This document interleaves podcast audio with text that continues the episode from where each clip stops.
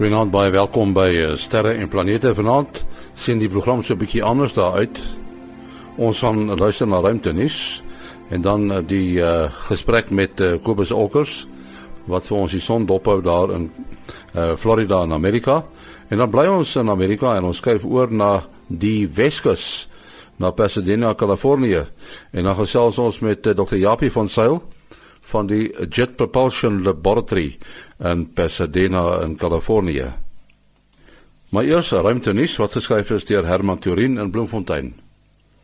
SKA Suid-Afrika nooi belangstellende instansies om vir verskeie dienste wat met die oprigting van skottels verband hou te tender. Die tender sluit in een vir ingenieurswerke, een vir die ontwerp en bouwerk en een vir voorsieningsadministrasie. Die tender sluit op 13 Desember. As deel van sy skoon ruimte-inisiatief, kyk die Europese Ruimteagentskap na die moontlikheid dat die oorblyfsels van uitgediende satelliete nie ruimte-rommel word nie, maar weer gebruik kan word om ander tye in die ruimte mee te bou. Dit is baie duur om voorwerpe tot in die ruimte te lanseer en om dan van materiaal wat reeds in die ruimte is gebruik te maak vir onder meer boumateriaal, brandstof en selfs kos kan baie besparing teweegbring. NASA se maanatmosferiese tuig, bekend as LADEE, het suksesvol in 'n wentelbaan oor die maan se ewenaar inbeweeg en kan begin met ondersoeke van die maan se baie uitgedunde atmosfeer. Die vlughoogte is tussen 12 en 60 km bo die maan se oppervlak. Weens die maan se ongelyke swaartekrag, moet die wentelbaan gereeld verstel word om die tuig in 'n veilige wentelbaan te hou. Die wetenskaplikes hoop dat die ondersoek baie daartoe sal bydra om ander maane en klein planete soos Mercurius te verstaan. Intussen het navorsers ou data wat van NASA se instrumente op die maan verkry is, vasgestel dat stof op die maan 10 keer vinniger vergaar as wat aanvanklik gedink is. Die stof vergaar teen 1 mm per jaar en kan op die duur gevolge vir instrumente en sonkragpanele inhou. Die instrumente waarmee die data versamel is, is reeds in 1977 afgeskakel omdat NASA geoordeel het dat die onderhoud daarvan te duur is. Die data wat toe ingesamel is, is egter steeds geberg en kon 40 jaar bestudeer word. Tot sover ruimtenis wat geskryf is deur Herman Turin. Daar is nou weer tyd vir Kobus Olkers daar in Florida, Amerika om te gesels oor die son. Son nog aktief, eh, Kobus? Ja, goeienaand. En ja, hy's uh, nog aktief, maar hy's om uiteindelik nou weer besig om 'n bietjie rustiger te raak.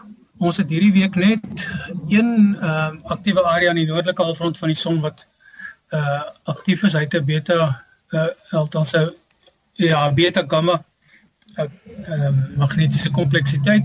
So daar is 'n kans vir M-klas tipe fakkels van hom af. Dan het ons 'n paar klein koronagaatjies wat nie reg enigiets kan doen nie.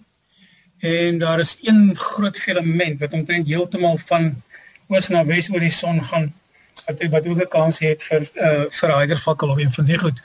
So ek sou sê hierdie week en volgende week, o ja, dan natuurlik as 'n mens nou rondom die son kyk, agter die son kyk met die stereo uh ruimtetye, dan sien ons daar is ook nie eintlik veel op pad nie. So behalwe as daar nou skielik iets uh verskyn op die son wat wel kan gebeur en wat al baie gebeur het. Ehm um, sou ek sê ons is vir die volgende week of twee oor dinge redelik rustig te gaan. Goed, koop as jou besonderhede. Dit is 'n uh, SMS alleen asseblief en baie dankie vir die mense wat vir my vrae stuur. Ons sal dit later behandel. Dis ehm um, 083 264 8038. Dit is 083 264 8038. Baie dankie Kobus Olkers daar in Florida, Amerika. Soos ek gesê het, uh, praat ons ook met uh, eh, Dr. Japie van Sail van die Jet Propulsion Laboratory daar in Pasadena in Kalifornië.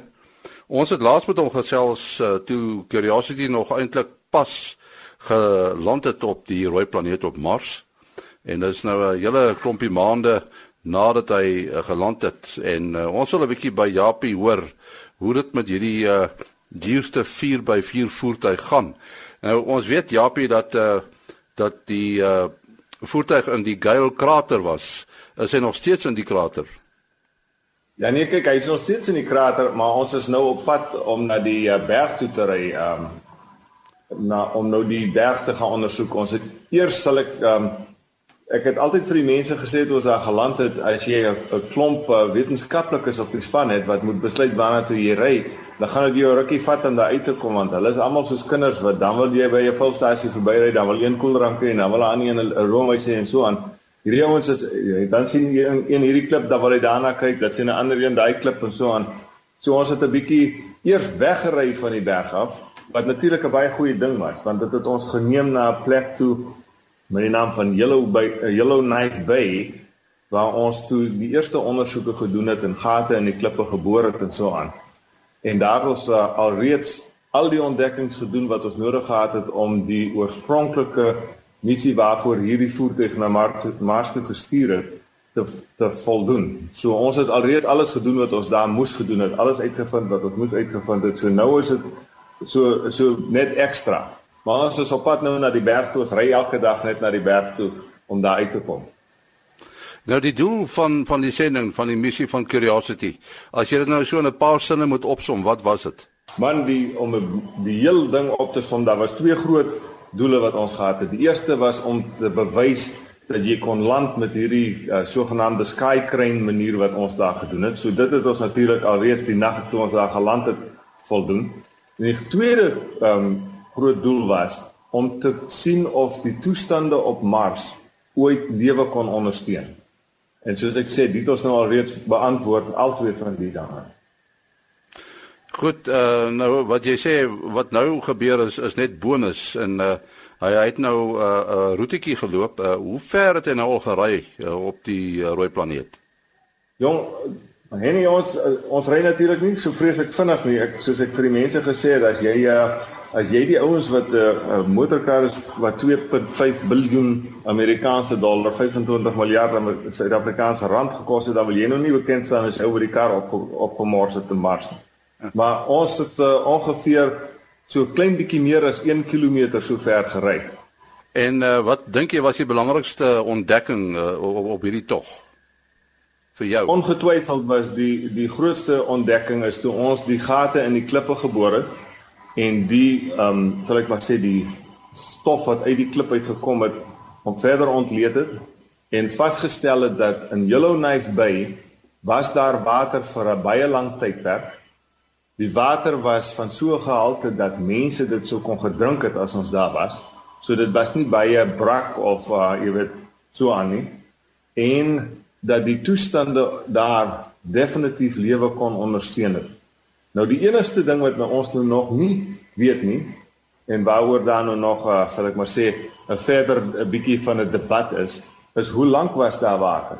Was dit 10000 jaar of was dit 10 miljoen jaar? Dit weet ons nou nog nie.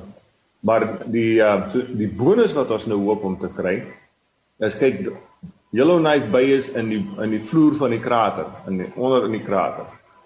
En wat ons nou hoop om te doen is as 'n mens teen die berg opry, dan is die gesteentes is in lae neergelê en die oudste laag is natuurlik onder en die jongste laag is bo. So nou hoop ons soos ons teen die berg opry om hierdie laag een na die ander te ondersoek en dan te sien watter tyd in Mars se geskiedenis het die toestande verander van waar daar ongetwyfeld water was van 'n goeie gehalte en so voort toe tot waar hy vandag is waar hy lyk soos die droogste dele van die Namibwoestyn.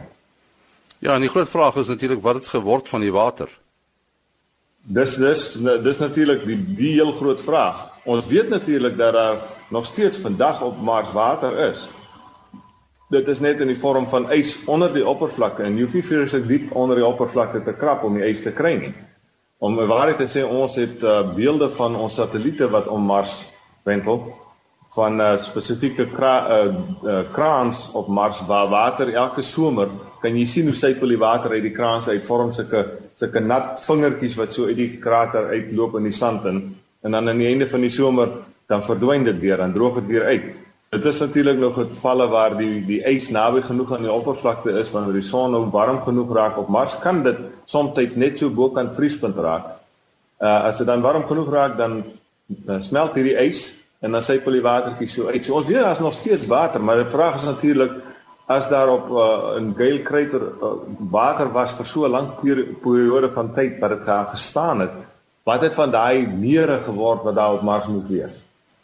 Sou dit kon gebeur dat Mars uh, in 'n stadium uh, jy weet baie warmer was as wat hy nou is? Dit is 'n uh, dit is een van die teorieë. Een van die teorieë is dat Mars baie warmer was. Die hele hele noordelike halfrond van Mars, as jy baie mooi kyk, ons het baie um goeie kaarte van Mars se topografie wat met 'n laserstelsel van die van ons satelliete afgeneem is. En as jy kyk na die topografie, dan kan jy sien die noordelike halfrond van Mars. Het, die topografie is heeltemal anders as die res van Mars waar die groot vulkane en sulke soort van goed is. En die teorie is dat daardie noordelike halfte halfrond van Mars was 'n groot oseaan. So dit moes baie warmer gewees het Maar die groot vraag is wat het met die atmosfeer van Mars gebeur? Want dit is vandag is die atmosfeer so dun dat wanneer water wel verskyn, dan onmiddellik verdamp die water. So dit is natuurlik die groot vraag, wanneer het die atmosfeer so so baie verander? Uh, een van die uh, moontlikhede is natuurlik dat Mars in 'n stadium baie nader aan die son gewentel het as wat hy nou doen. Daar's verskeie teorieë soos daardie natuurlik. En uh dit is een van die redes waaroor ons natuurlik terug aan Mars toe om om, om hierdie teorieë te toets. Nou elke slag as 'n mens met so 'n ding voor in dag kom en jy kry nou nuwe inligting soos wat ons nou met Curiosity gekry het, dan beplan jy die volgende eksperiment om te sien hoe kan ons ehm um, uh jy weet data neem om te besluit watter teorieë is heel waarskynlik reg en watter is nie reg nie wat ons nie verder hoef oor te ondersoek nie. Jy het nou gepraat van hierdie klomp wetenskaplikes wat soos kinders is as hulle nou in 'n uh, uh, virtueel saam met Curiosity ry. Uh, wat 'n soort wetenskaplikes is, is dit is dit meestal geoloë of is daar chemici ook by?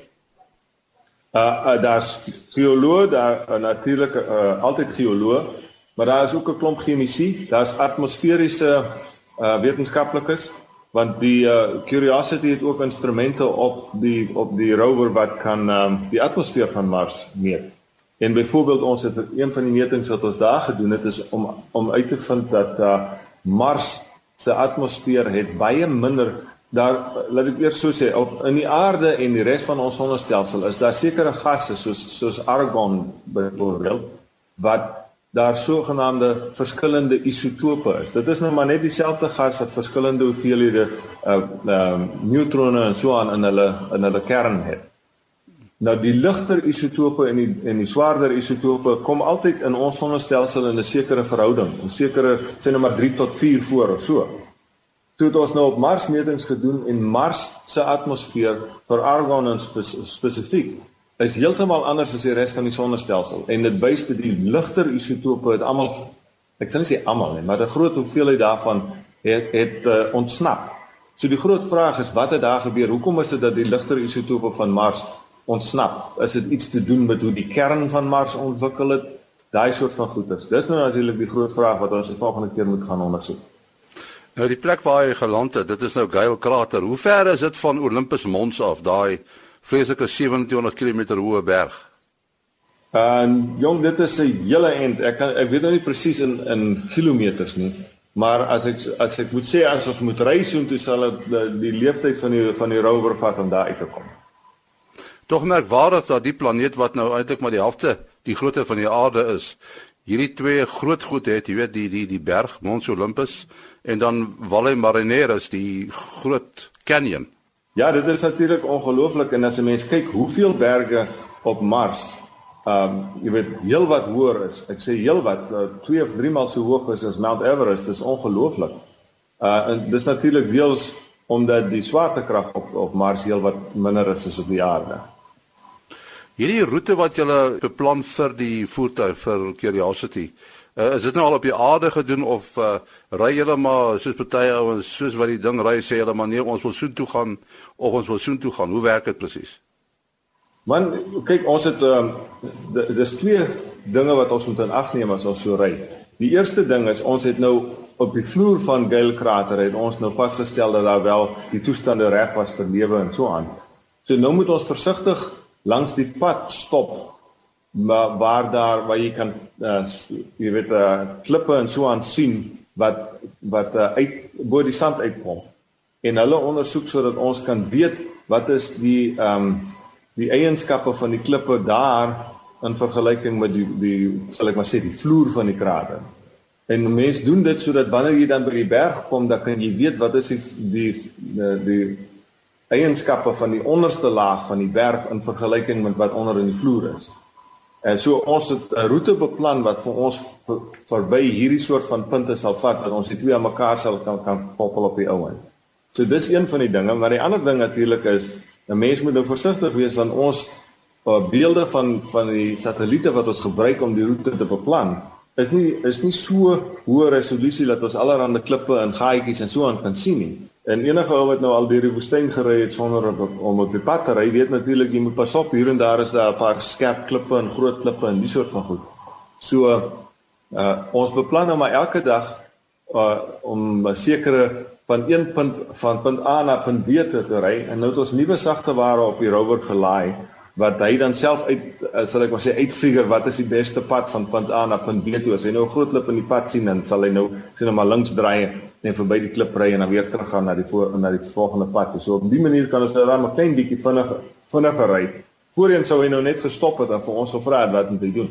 Jy jy sê dat uh, julle doen nogal redelik baie boorwerk. Jy weet ek as 'n mens uh, sê maar boorwerk doen of enige stukke gereedskap hanteer, sê by die Hubble uh, ruimteteleskoop, dan moet jy nou baie versigtig wees hoe jy die ding doen want daar's mos nou nie eintlik swaartekrag nie. Hy sê jy wegstoot as jy 'n ding verkeerd doen. Nou weet ek die swaartekrag op Mars is ook baie minder as die op aarde.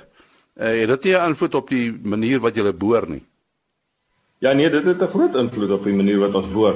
Daar's 'n hele paar dinge wat jy in ag moet neem, ek so stel. Een van die dinge is natuurlik dat jy nie die boor moet forceer uh, deur 'n sagte klip en dan vasraak op die ouend nie of deur 'n harde klip te hard probeer uh, druk en dan te vinnig probeer boor en dan breek jy die boorpunte. Nou gelukkig met ons um, is die um, boor op op die Curiosity gesofistikeerd genoeg dat as die boorpunt stomp raak of gebreek raak, dan kan hy self die boorpunt verander. Ons het 'n paar ekstra boorpunte daar saam met ons, maar ehm um, ja, dit is nog 'n ingewikkelde proses. So elke slag wanneer ons boor, dan dan toets ons eers op die aarde Hier by JPL het ons 'n presiese kop kopie van daai rover op Mars. Dan toets ons eers met ons kopie hier, hoe gaan ons die gat boor? Uh, jy weet, spesifieke helling waar teen die klip lê, al daai soort van goeie. Dan toets ons dit eers hier voordat ons dit op Mars doen. Ja, en uh, die die krag wat wat die boor nou aandryf, dit is nou van die batterye af wat gelaai word deur die deur die uh, kernkrag. Nee, hy hy loop mos op kernkrag.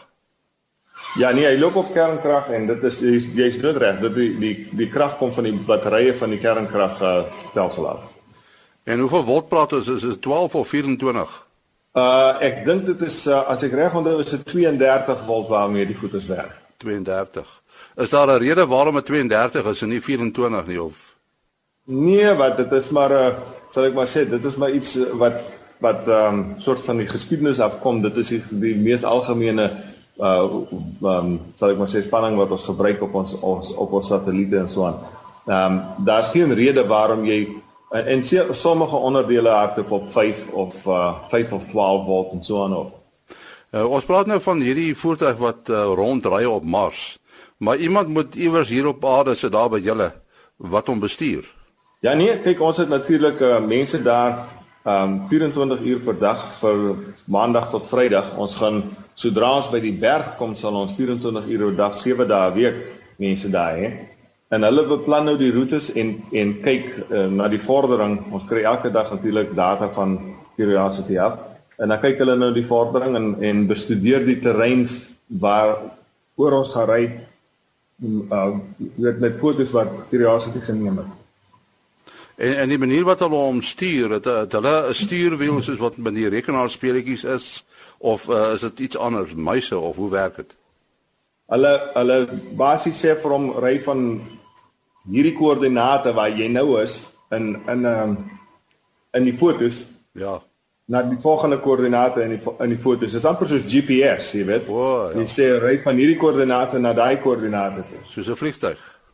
Ja, ons bestuur hom nie self, jy weet, sal ek maar sê elke oomblik nie, want die dit daar's te veel uh vertraging van die syne Mars toe en terug. Dit 14 minute soontoe en 14 minute terug. So uh teen die tyd wat jy gesê het ry links, is hy al verby die klip wat jy wou wou probeer vermy het. En uh, hy het nou outomaties, hy het sensors wat die klip sien en en, en dan keer dit mos nou nê. Nee. Ja, hy het, hy het spesiale kameras beide voor en agter onder onder sal ek maar sê aan die onderstel van die van die ehm um, motorkarretjie wat uh, fotos neem 'n stereo foto sodat jy kan sien hoe groot um, voorwerpe is en so aan. En dan uh, neem hy die fotos en ons gebruik dan daai fotos en volgens daai fotos sê ons van waar hoe moet hy dan weer ry. En Spirit en uh, Opportunity het hulle op dieselfde manier gery dat uh, mens vooraf die roete in programmeer en dan ry jy self die pad. Aanvanklik het ons hulle ook, sal ek maar sê, versigtig laat ry, sê van hier na daar, maar as daar enige voorwerp is wat jy nie weet wat om te doen, nie stop en en, en bel ons so, so uh, kan my seker maar sê. Ehm um, maar later het ons hulle ook uh en opportunity natuurlik vandag nog ry nou op hierdie manier wat ons noem uh, sort of uh, uh automatic navigation so. O ja, ja, dit is tipies so 'n vliegtuig soos jy sê. Ja, ja. En nou die die tuig wat julle nou besig is om te bou, Curiosity se opvolger, die gaan nou met sonkrag weer werk. Dit is my interessant want dit is ons een van die probleme gewees met die stofstorms. Hoekom het julle besluit dat die nuwe een met sonkrag gaan werk? Man die die die groot rede en nie is dat daar is daar is min plutonium in Amerika waarmee mense hierdie krag kernkrag uh sal ek maar sê kragbronne kan ontwikkel.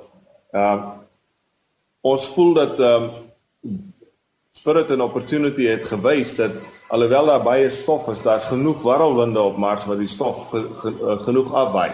Maar op hierdie stadium bou ons uh, die al die planne om uh, die opvolger van Curiosity met sonkrag te laat werk en ons dink dit sal soos Curiosity en uh, soos Spirit and Curiosity, dit sal dit sal alright uitwerk. En uh, wat 'n ander werk sal die nuwe ene doen? Uh as jy mense nou vergelyk met Curiosity. Man ek ek die die die sal ek maar sê die groter um doel van die nuwe rover sal meer wees om te sien of ons enige tekens van vorige lewe op Mars kan opspoor. Op met Curiosity wou ons net weet of die omstandighede lewe kon ondersteun. En ons het natuurlik nou nie die spesiale instrumente wat fokus op tekens van vorige lewe op hierdie uh, op hierdie rover nie.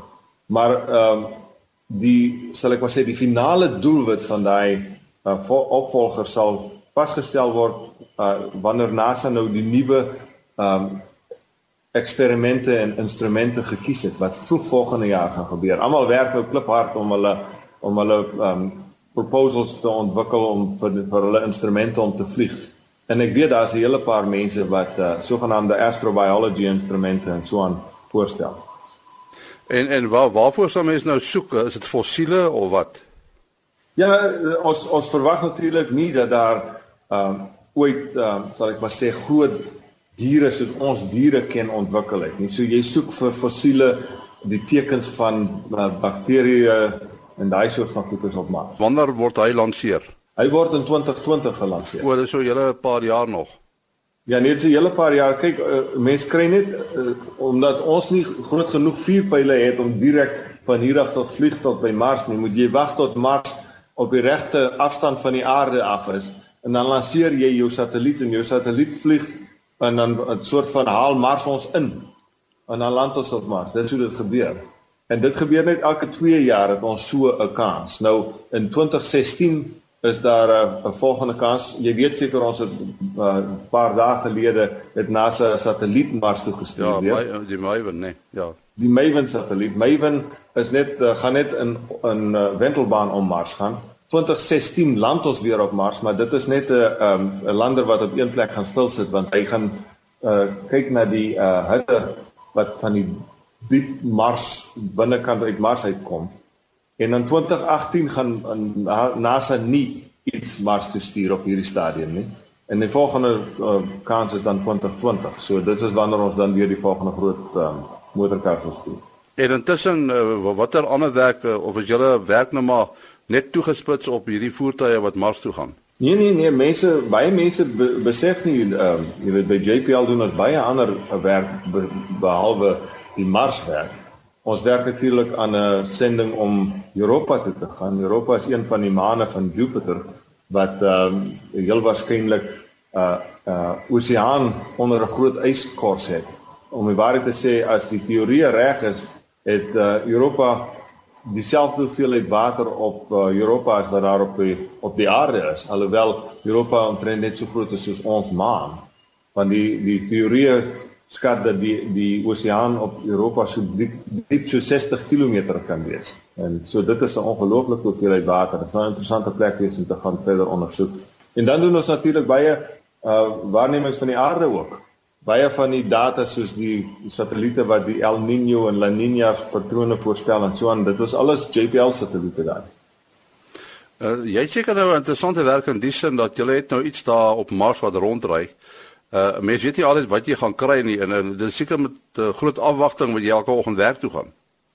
Jong, dit is 'n uh, ek sê altyd ek het die heerlikste werk in die hele wêreld want as jy daaraan dink ek uh, ek kan elke dag wat ek werk toe ry kan jy is daar 'n goeie kans dat iemand kan bel en sê ons het iets ongeloofliks ontdek uh in die data laas nag. So ja, dit is ongelooflik. Dit was dan uh, Dr. Japie van Sail van die Jet Propulsion Laboratory in Pasadena, Kalifornië. My kontakbesonderhede is maas.henny@gmail.com. maas.henny@gmail.com. Tot die volgende keer, mooi loop.